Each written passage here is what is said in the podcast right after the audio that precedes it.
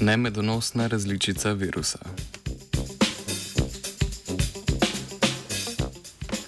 V današnjem znanstvenem Britofu bomo predstavili študijo o razširjenosti in spreminjanju virusa deformiranih kril, ki je eden najbolj razširjenih virusov čebel po svetu. Mednarodna skupina je z analizo podatkov zadnjih 20 let pokazala, da je nova različica virusa v Evropi že nadomestila prvotno razširjeno različico virusa.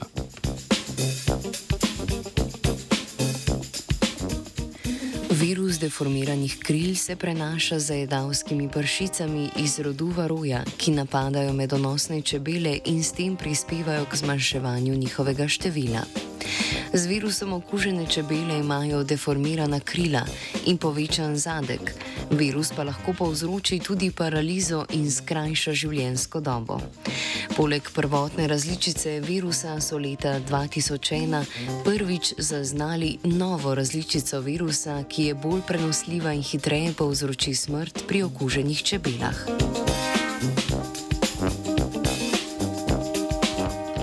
V omenjeni študiji so ponovno analizirali sekvenčne podatke, ki so se od leta 2008 naprej shranjevali v javno dostopnih bazah in jih združili z novimi podatki o razširjenosti virusa deformiranih kril iz Nemčije, Italije in Združenega kraljestva. Iz njih so razbrali, da se je nova različica v zadnjih 20 letih hitro razširila predvsem po Evropi, pa tudi po drugih celinah, z izjemo Avstralije, kjer je pršica varoja prisotna v manjšem obsegu. Obe različici so zaznali tudi pri divjih čebelah.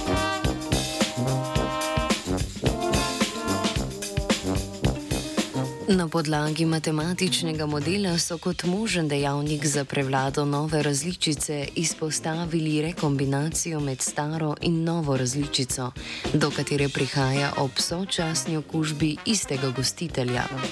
Rekombinacija lahko vodi v nastanek nefunkcionalnih virusov, izločitev stare različice in prevlado bolj prenosljive nove različice. Zamenjava različic virusa deformiranih kril v populaciji populaciji okuženih čebel bo najverjetneje vodila v še večje zmanjšanje populacije medonosnih čebel.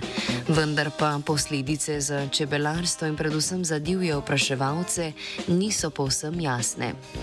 Potrebno bi bilo razširiti raziskave tudi na naravna okolja in ugotoviti vpliv na širšo družbo z družbo žuželk. Britov je pripravila Katarina.